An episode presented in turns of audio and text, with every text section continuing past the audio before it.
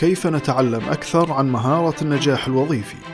وهل هي مفتاح المهارات الإنتاجية؟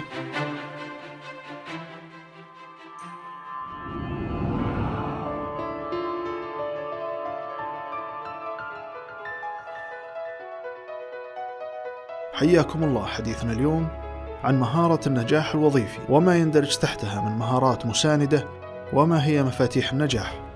يقول ستيف مارتن: أعتقد فقط أن الوقت الممتع في مهنة ما هو ما قبل النجاح، ما الذي شكل الأشياء وكيف وصلت إلى هذه النقطة. لا تقاس قيمتك للمؤسسة في النهاية بالمهارات التي تضيفها إلى المهمة، ولكن بمدى إنتاجيتك في المنصب الذي تم تكليفك به. ويمكن أن تكون من أذكى العمال أو الموظفين، ولكن لا يزال هناك من يتجاوزك إذا لم تكن منتجًا. ومن الضروري للعاملين اليوم إتقان نوع من المهارات التي تساعدهم على أن يكونوا أكثر إنتاجية، لأنه هو المفتاح الحقيقي للنجاح. والجيد هنا أن المهارات التي تعزز الإنتاجية تترجم جيدا عبر أي صناعة أو مجال تقريبا. وهذا يعني أنه يمكن لأي شخص تحقيق آفاقه المهنية من خلال إتقان بعض المهارات الإنتاجية البسيطة نسبياً. وفيما يلي أترك لكم بعض المفاتيح التي تساعدكم على النجاح الوظيفي. مهارات صنع القرار الصلبة، القدرة على إصدار أحكام سريعة وسليمة أمر يولد به بعض الأشخاص، هو نظرية غير صحيحة. وهناك علم وراء اتخاذ القرارات وتوجد عدة محددات تساعده على اتخاذ قرار الصحيح ومنها الحد من الخيارات وتحديد الوقت لدراسة القرار والاستفادة من التجارب السابقة. مهارات إدارة الوقت بغض النظر عن الوظيفة التي لديك.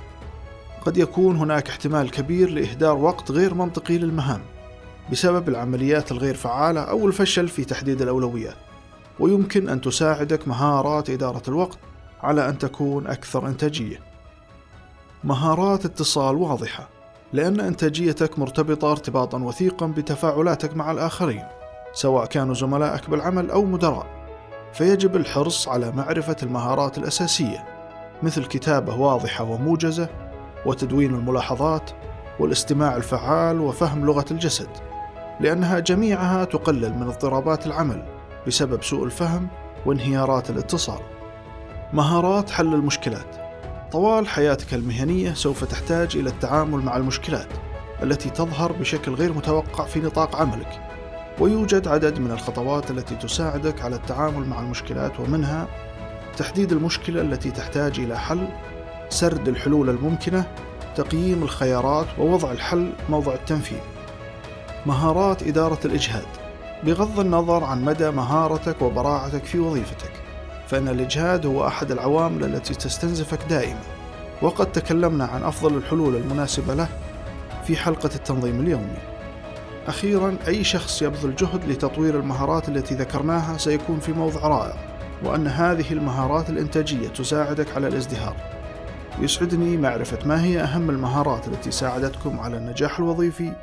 إلى هنا نكون قد أنهينا موضوعنا لهذا اليوم. ألقاكم بخير ودمتم بحفظ الله.